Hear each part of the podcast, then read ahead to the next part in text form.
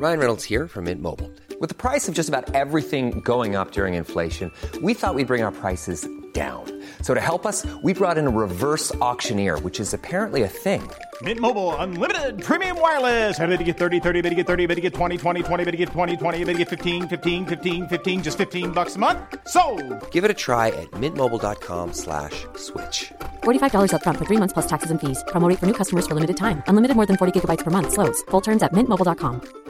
Everyone knows therapy is great for solving problems, but getting therapy has its own problems too, like finding the right therapist, fitting into their schedule, and of course, the cost. Well, BetterHelp can solve those problems. It's totally online and built around your schedule. It's surprisingly affordable too. Connect with a credentialed therapist by phone, video, or online chat, all from the comfort of your home. Visit betterhelp.com to learn more and save 10% on your first month.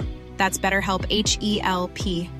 Quality sleep is essential. That's why the Sleep Number Smart Bed is designed for your ever evolving sleep needs. Need a bed that's firmer or softer on either side? Helps you sleep at a comfortable temperature? Sleep Number Smart Beds let you individualize your comfort so you sleep better together. JD Power ranks Sleep Number number 1 in customer satisfaction with mattresses purchased in-store. And now, save 50% on the Sleep Number limited edition Smart Bed for a limited time. For JD Power 2023 award information, visit jdpower.com/awards. Only at a Sleep Number store or sleepnumber.com.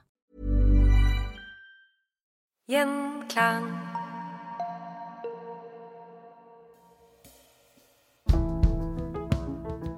Det er påske, og hva er det vi nordmenn liker mest med det?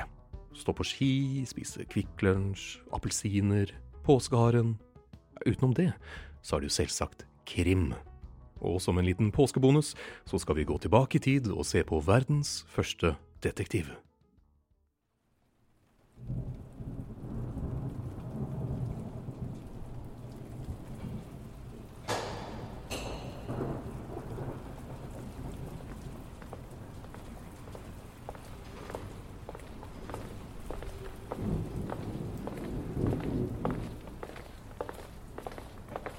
Det var sent på kveld da de kom for å hente ham. Vaktene gikk inn i den kalde, våte cellen, løsnet lenkene hans og dyttet han ut med voldsom kraft. Han prøvde å holde seg på bena, men et godt plantet slag i mellomgulvet sørget for at det ikke ble noe av. De slepte kroppen hans gjennom korridoren. En ventende vakt åpnet metalldøren da de nærmet seg. Han skal avhøres på nytt, forklarte han ene. De har fått nyss i at han også er en iskald morder. Du vet de brutale drapene i villaen? Vakten sperret opp øynene mens han slapp dem forbi. Han trengte ikke mer informasjon enn det. Han lukket og låste døren igjen etter dem og så nedover korridoren. For en gangs skyld hadde alt blitt stille. Fangene så på hverandre. De hadde hørt det som ble sagt. Hadde han morsomme og hyggelige karen gjort det? Vakten lukket metalldøra, hjalp de to vaktene mannen opp på beina, børstet litt støv fra skuldrene hans og pekte mot en åpen dør. Han gikk inn, satte seg i den ledige stolen og så rett i øynene til den eldre mannen ovenfor. Beklager måten du ble hentet på, men det var nødvendig. Du vet hvem jeg er, sa den eldre mannen, og jeg vet veldig godt hvem du er. Jeg hentet deg inn hit for en ny sjanse. Jeg vil at du skal jobbe for meg. Politisjefen i Lyon og fangen så på hverandre inntil sistnevnte smilte og nikket. De visste ikke at dette lille øyeblikket skulle endre politiet for alltid. Det skulle faktisk forandre verden så mye at det er vanskelig å ta inn over seg. Alt fordi en politisjef for 200 år siden så noe spesielt i en fange.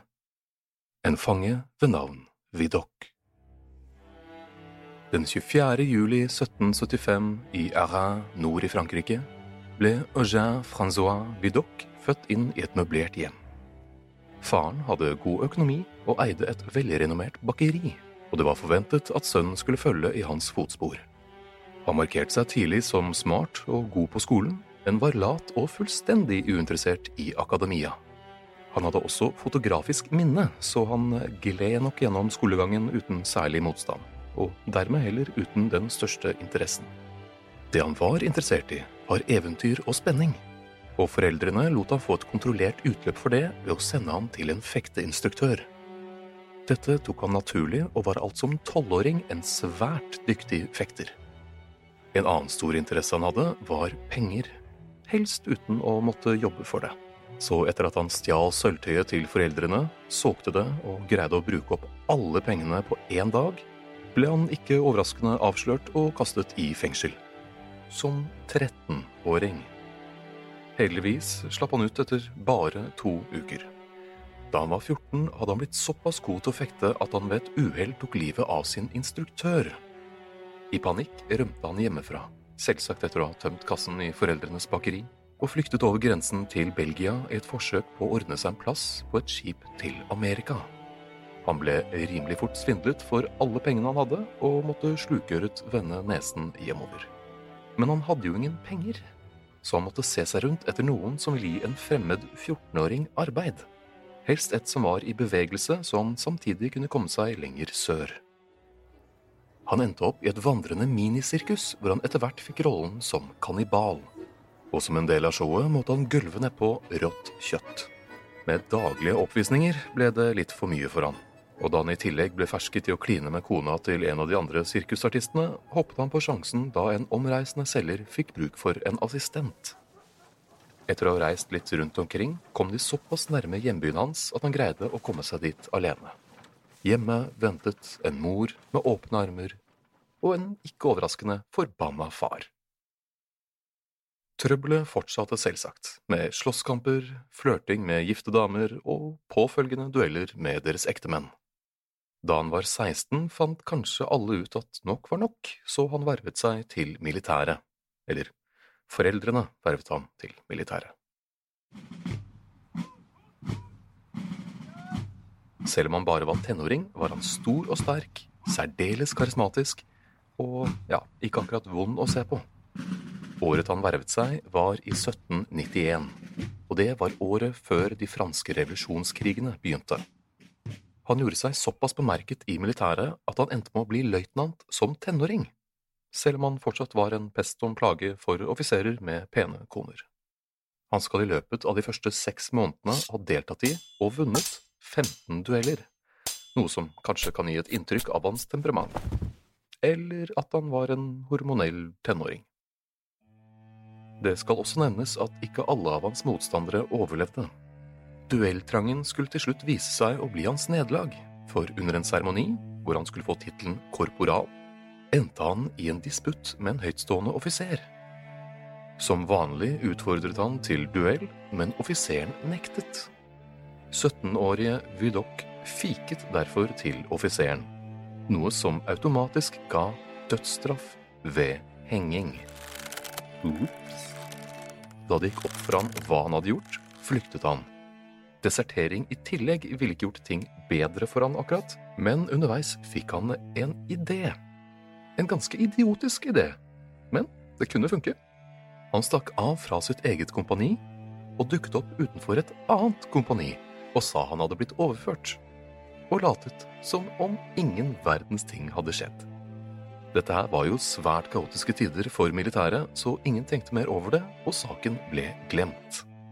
Dette her var eh, ikke den eneste gangen han byttet kompani, mye av hans trang til å duellere med absolutt alle han så. Ei heller den eneste gangen han deserterte.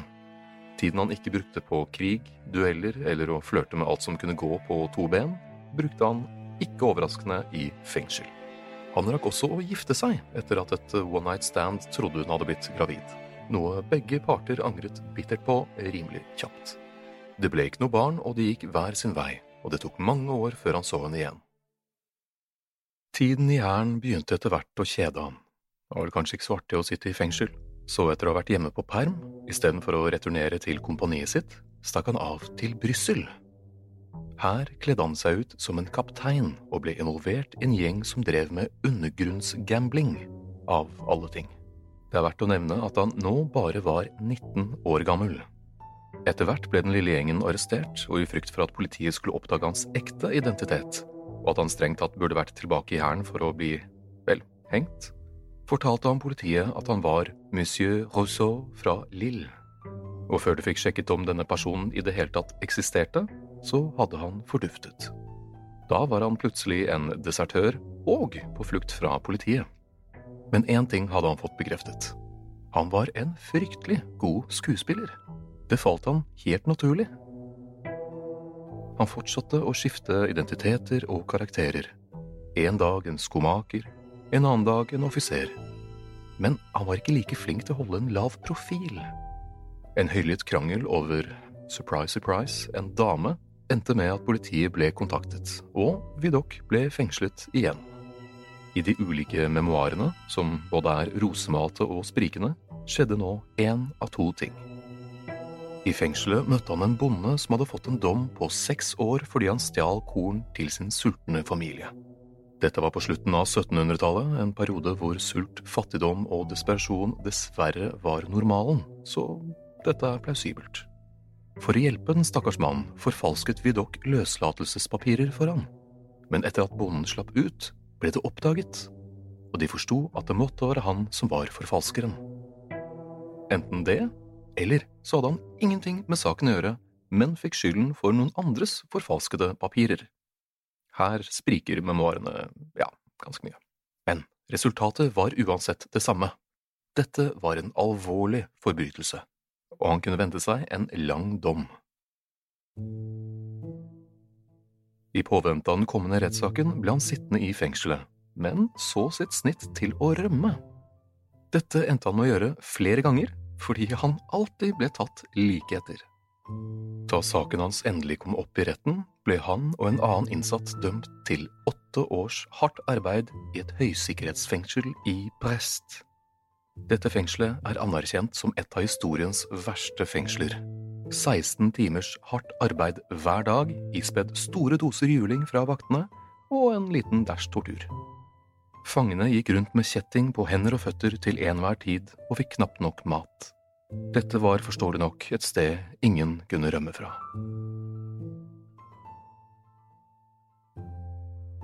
Presis åtte dager etter at han kom dit, presterte han selvsagt å rømme, ved å kle seg ut som en seiler. Han ble arrestert igjen ikke altfor lenge etter på grunn av manglende papirer, men politiet kjente han ikke igjen, så han sa han het August Duval, og mens de sjekket opp om dette stemte, rømte han. Denne gangen utkledd som en nonne. Han reiste rundt i Frankrike og tok strøjobber hvor han kunne få dem, inntil han endte opp i Rotterdam. Her ble han shanghaiet, altså trukket under bordet og bortført, eller bevisstløst plassert om bord på et skip. Dette var utrolig nok en ganske vanlig måte å få mannskap til skip på før i tiden. Han brukte det neste året som besetning på en korsar, eller et uh, sjørøverskip i mangel på en bedre term. Og da han omsider satte sine ben på stødig grunn i Frankrike, ble han gjenkjent og arrestert nesten med en gang. Han fikk dobbel straff, og responderte ved å rømme nok en gang, denne gangen som en deltaker i et begravelsesfølge. Og sånn holdt han det gående. Han prøvde å drive lovlydig under et falskt navn, ble tatt for et eller annet, fengslet, men rømte før de forsto hvem han var. Igjen og igjen og igjen. En gang ble han gjenkjent av sin ekskone i Paris. Hun brukte sin informasjon om hvem han var, til å presse han for alle pengene han hadde. Da han gikk tom, sa hun fra til politiet, og han måtte rømme igjen. I 1800, da han var 25, dro han tilbake til sin hjemby Arras. Faren hadde dødd året før, så han flyttet nå inn til moren og bodde der i skjul. Der fikk han være i fred og ro i nesten et halvt år før han ble gjenkjent, og han måtte nok en gang flytte fra byen. På veien møtte han en velstående enke som han innledet et forhold til. Identiteten hans denne gangen var at han var østerriker. De endte opp med å flytte sammen, og han slo seg opp som en forretningsmann. Dette varte imidlertid ikke altfor lenge, da noen nok en gang gjenkjente han, og de to måtte stikke av. Sånn var livet hans de neste fire årene. Flytte til en ny by, prøve å starte en business, bli gjenkjent av enten kriminelle som ville at han skulle gjøre noe for dem, som å tvinge han til å selge stjålet gods, eller bli stoppet av en tilfeldig politimann som ville se papirene hans, for så å flytte til en ny by så fort det lot seg gjøre, og gå gjennom hele prosessen på nytt. Han ble selvsagt fengslet også i løpet av disse årene, og i et av fengslene fikk han vite at han var dømt til døden in absentia, altså dømt fordi han ikke møtte opp for å forsvare seg selv. Nå begynte panikken å bre seg. Han hadde ikke gjort noe så galt, hadde han vel? bare stjålet litt her og der, og drept en haug folk i dueller, og rømt fra politiet mer enn noen andre i historien, og latt som han var noen andre mesteparten av livet. Men, men han var vel ikke ond, var han det? Han tok kontakt med en jurist i håp om å omgjøre dommen, og satt fem måneder i fengsel og ventet på svar. Men da ingenting skjedde, rømte han igjen. Denne gangen ved å hoppe gjennom et vindu ned i en elv. Sliten og lei fortsatte han som før. Han var nå 34 år gammel og hadde, uten å mene det, opparbeidet seg en slags heltestatus i den kriminelle underverden. Han ble ansett som utbryterkongen som ingen kunne holde på. Mannen med tusen ansikter og identiteter. Og kriminelle over hele landet ville at han skulle jobbe for dem. Men det hadde ikke han noe ønske om. Han var forbanna over at politiet ikke greide å gjøre en døyt med kriminaliteten. Politiets metode var jo å traske rundt i uniform og be om folks papirer, eventuelt gi noen stakkarer litt juling, eller enda bedre, ta betalt for å se en annen vei. På den måten tok de bare fyllebøtter og uteliggere, ikke ordentlige kriminelle. Og greit nok at han var kriminell selv, om så en, ifølge han selv i hvert fall, mild variant. Han prøvde jo å leve lovlydig, men han forbannet seg over politiets grunnleggende inkompetanse. Eneste grunnen til at de nå da tok ham, var jo fordi han prøvde å leve lovlydig og drive en forretning. Han tenkte at hvis han faktisk ønsket å være en heltids 8-5 vinningskriminell, så hadde han aldri blitt tatt. Men det var det med ønsket, da. Målet i livet hans var jo ikke akkurat å leve et liv i skyggene. Han var altfor glad i oppmerksomhet for det.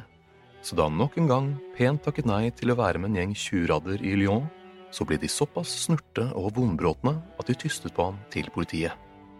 Det samme politiet som var svært klar over at han var en utbryterkonge. Ikke at det hadde hjulpet å hindre han i å fordufte igjen, men nå ble han nok en gang satt under svært strengt oppsyn. En som hadde hatt han under lupen lenge, var sjefen for politiet i Lyon, Jean-Pierre Dubois. Det var han vi møtte i introduksjonen. Han hadde en idé som skulle snu opp ned på Vidocqs liv. Han kalte en sliten og lei Vidocq inn til et hemmelig møte og ga han et valg. Livstid i fengsel under ekstremt strengt oppsyn, eller å bli en informant. For Vidocq var dette knapt et valg. Greit nok at han ikke likte politiet, men han likte virkelig ikke de kriminelle. Mest av alt var han lei av å hele tiden måtte se seg over skulderen. Så han sa ja. I forkant av møtet han måtte selvsagt ut av cellen sin for å snakke privat med politisjefen. Satte politisjefen ut et rykte om at han skulle i avhør om noe skikkelig ille. Og det ble hvisket litt vel høylytt fra fangevokterne at han var en morder. Så da de kastet han tilbake i cellen igjen, nå som informant, hadde han rykket enda et hakk opp i den kriminelle næringskjeden. I nesten to år satt han i fengselet og snakket med alle fangene som kom og gikk.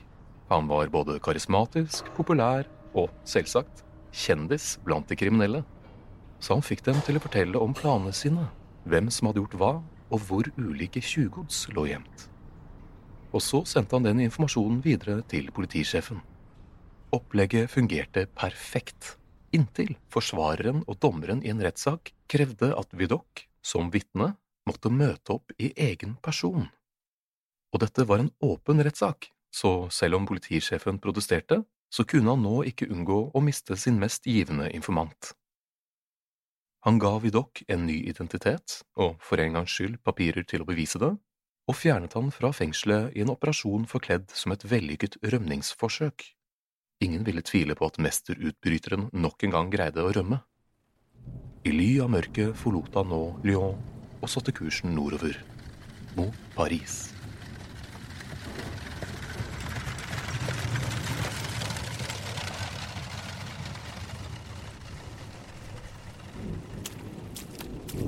Vel fremme troppet han opp på døren til byens politisjef med et forslag. I tiden hans som en slags ulv i fåreklær hadde han endelig fått et lovlig utbytte av det han var så utrolig god til. I Lyon hadde kriminaliteten falt drastisk på grunn av han alene. Det var uaktuelt å sitte mer i fengsel, selv om det var på liksom.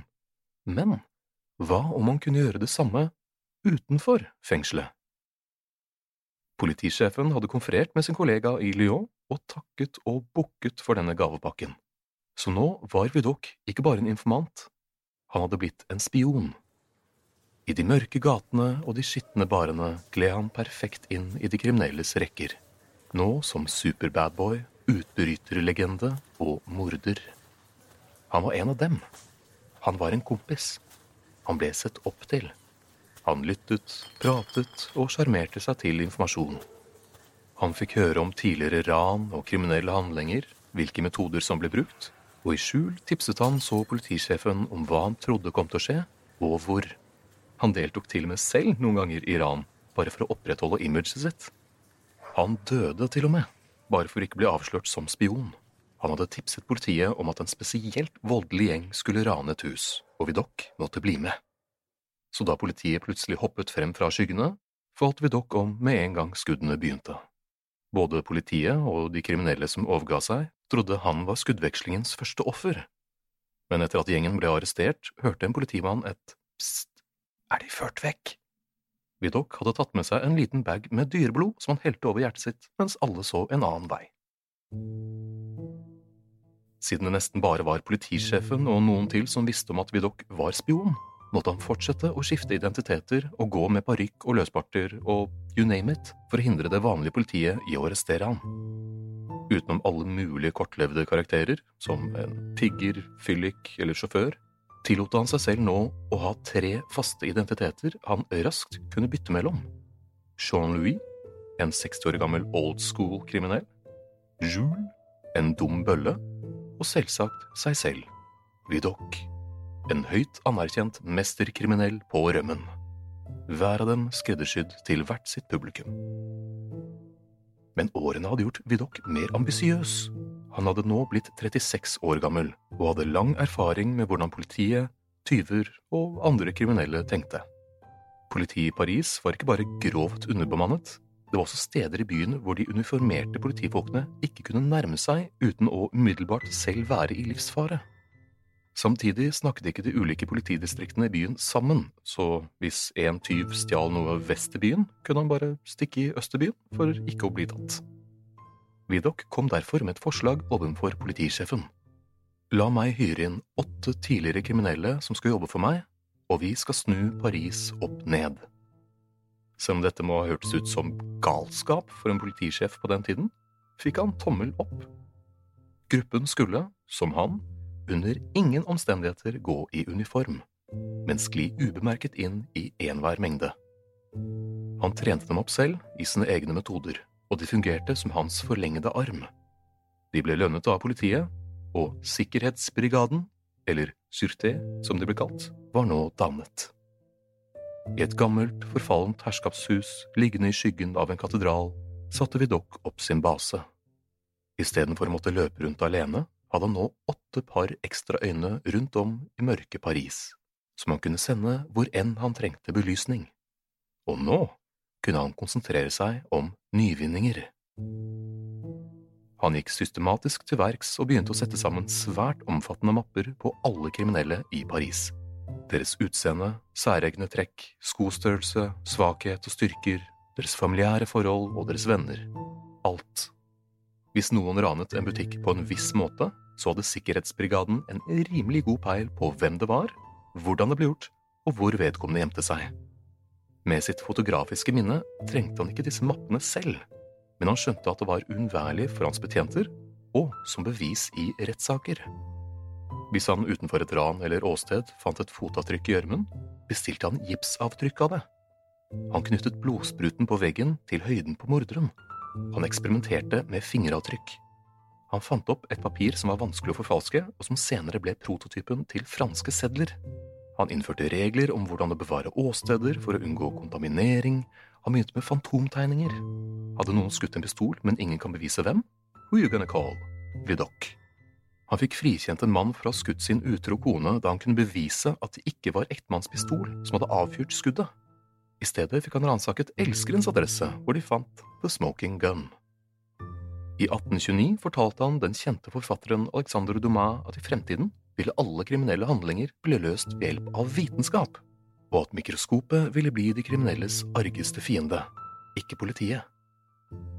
Hans metoder er grunnlaget for det vi i dag kaller kriminologi, Han var CSI Paris, og hans våpen og valuta var informasjon.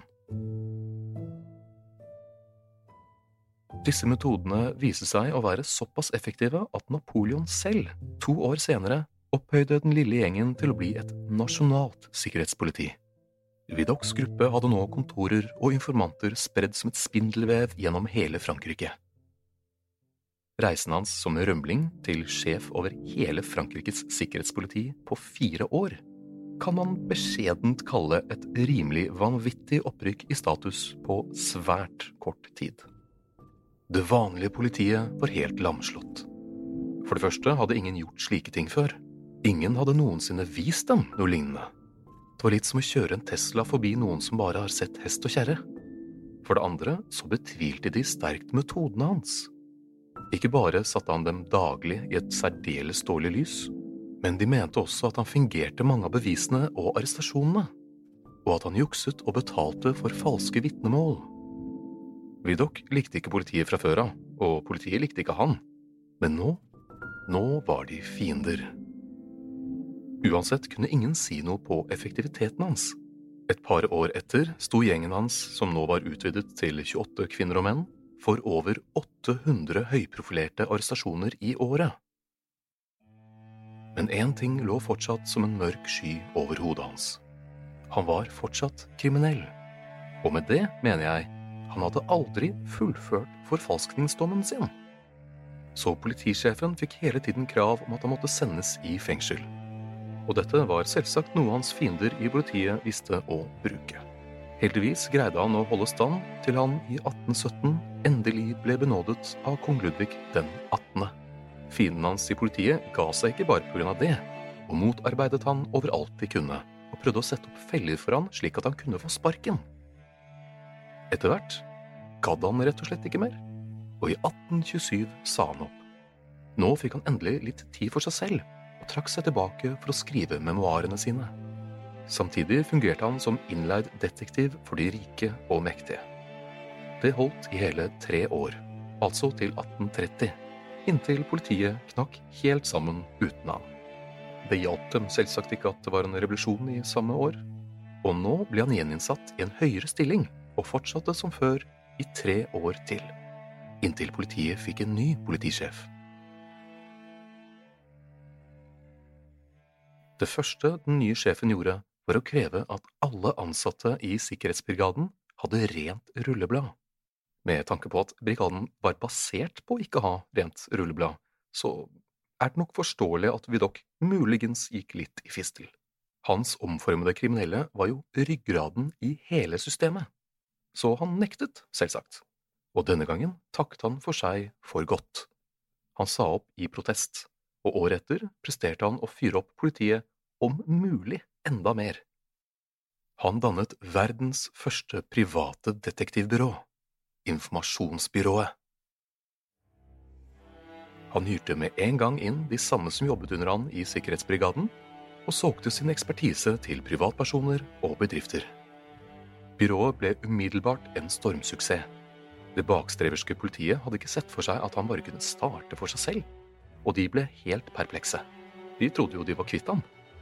Og selvsagt var de nok en gang ikke i nærheten av å være like effektive uten han. Så de så seg nå jevnt og trutt nødt til å hyre inn byrået for høye summer. Om de ikke var flaue og forbanna nok fra før av, ble de i hvert fall det nå. Så de fortsatte stadig i sine forsøk på å legge feller for han. Altså, han tøyde jo strikken rimelig greit angående hva som var lovlig og ikke lovlig etterforskning, men det gjorde strengt tatt politiet også. Men til slutt, i 1842, så fikk de endelig tatt han. De arresterte han mens han var utkledd som en politikonstabel, noe som ble sett svært alvorlig på. Under rettssaken viste det seg at politiet ikke hadde en særlig sterk sak, men han ble allikevel dømt til fengsel. Mye på grunn av at dommeren var en kompis av politisjefen. Etter ti måneder i et av Paris' verste fengsler så slapp han endelig ut. Oppholdet hadde ikke gjort helsen hans noen tjenester, men han gikk rett tilbake til å lede byrået.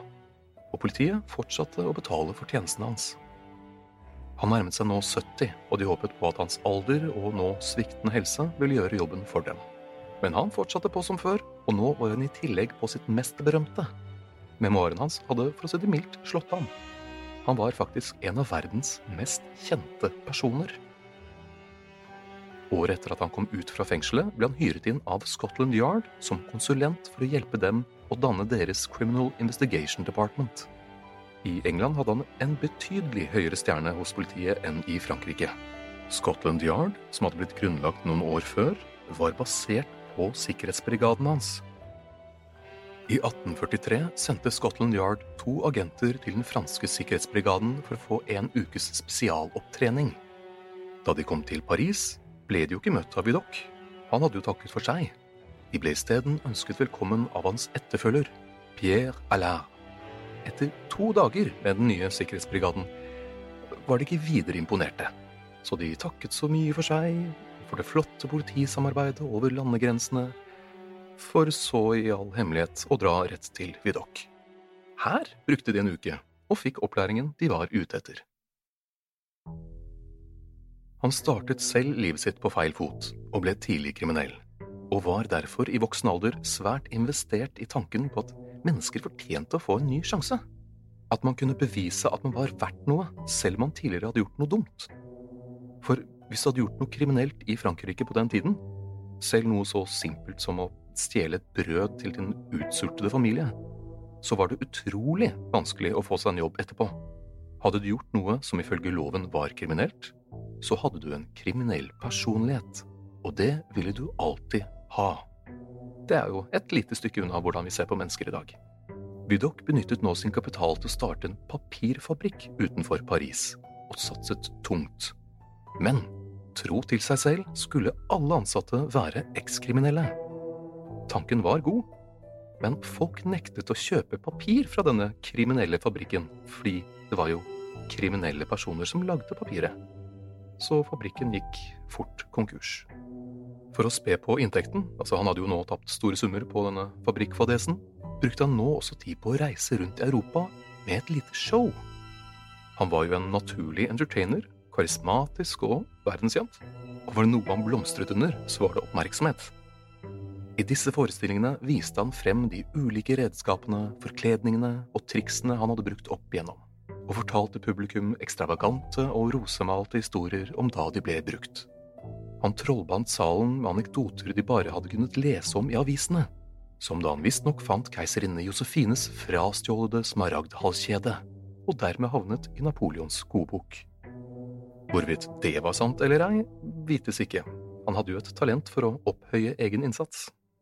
Men han hadde rukket å bli en gammel mann, og selv om han sjokkerte legen sin ved blant annet å overleve kolera, så var ikke helsen hans som den en gang var. Han trakk seg mer og mer tilbake til han som 81-åring døde i mai 1857. På forsider i aviser rundt om hele verden kunne man da lese En stor historisk personlighet har dødd i Paris. Den berømte Vidocq.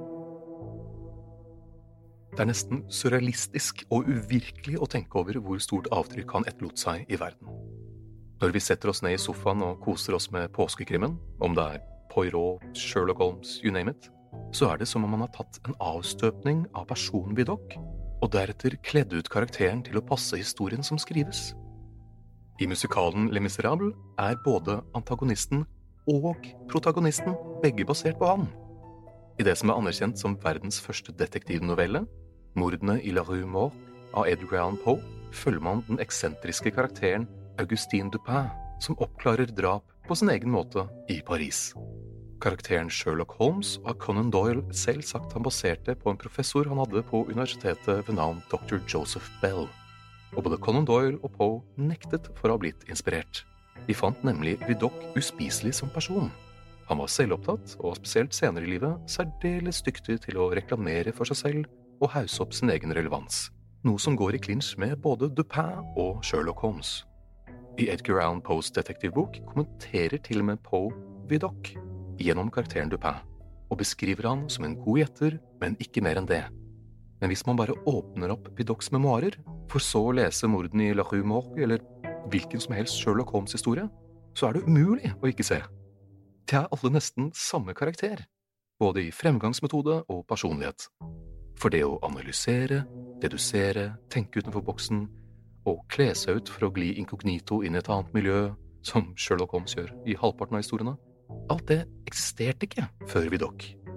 Greit nok at han rosmalte sin egen innsats, og garantert overdrev en god del, men arven hans er udiskutabel. Han oppfant kriminallaboratorier, ballistiske undersøkelser av våpen, fotavtrykksavstøpninger, sammenlignende blod og fibre med det man fant på åstedet, han fant opp kriminaldatabaser med all info om hver skurk, han var konsulent og hjalp til med dannelsen av Scotland Yard, og var inspirasjonen til USAs FBI. Hans nasjonale sikkerhetsbrigade er nå Frankrikes hovedpoliti. Alt dette på grunn av én mann. En mann som ble født for nesten 250 år siden. I 1990 ble Vidocq-klubben dannet i Philadelphia. Dette er en klubb hvor medlemmene er spesialister i hver sin gren. Psykologer, rettsmedisinere, patologer, håndskriftseksperter, høyesterettsdommere, tidligere FBI-agenter, profilere osv. osv. En gang i måneden møtes de for en bedre lunsj og for å løse cold cases. Saker hvor det vanlige politiet ikke kommer lenger. Saker hvor man trenger en vidokk.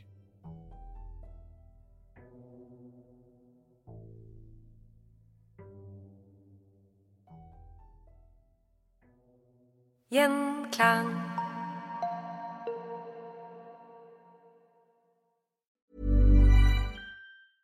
Even when we're on a budget, we still deserve nice things. Quince is a place to scoop up stunning high-end goods for 50 to 80% less than similar brands. They have buttery soft cashmere sweaters starting at $50, luxurious Italian leather bags, and so much more. Plus, Quince only works with factories that use safe, ethical, and responsible manufacturing. Get the high-end goods you'll love without the high price tag with Quince. Go to quince.com slash style for free shipping and 365-day returns. That's the sound of another sale on Shopify in store. Shopify POS is everything you need to sell in person. From payments to inventory, Shopify unites your sales into one commerce platform. Sign up for a $1 per month trial period at shopify.com slash retail23. Shopify.com slash retail 23. Mom deserves the best, and there's no better place to shop for Mother's Day than Whole Foods Market. They're your destination for unbeatable savings, from premium gifts to show-stopping flowers and irresistible desserts. Start by saving 33% with Prime on all body care and candles. Then get a 15-stem bunch of tulips for just $9.99 each with Prime. Round out Mom's menu with festive rosé, irresistible berry chantilly cake, and more special treats. Come celebrate Mother's Day at Whole Foods Market.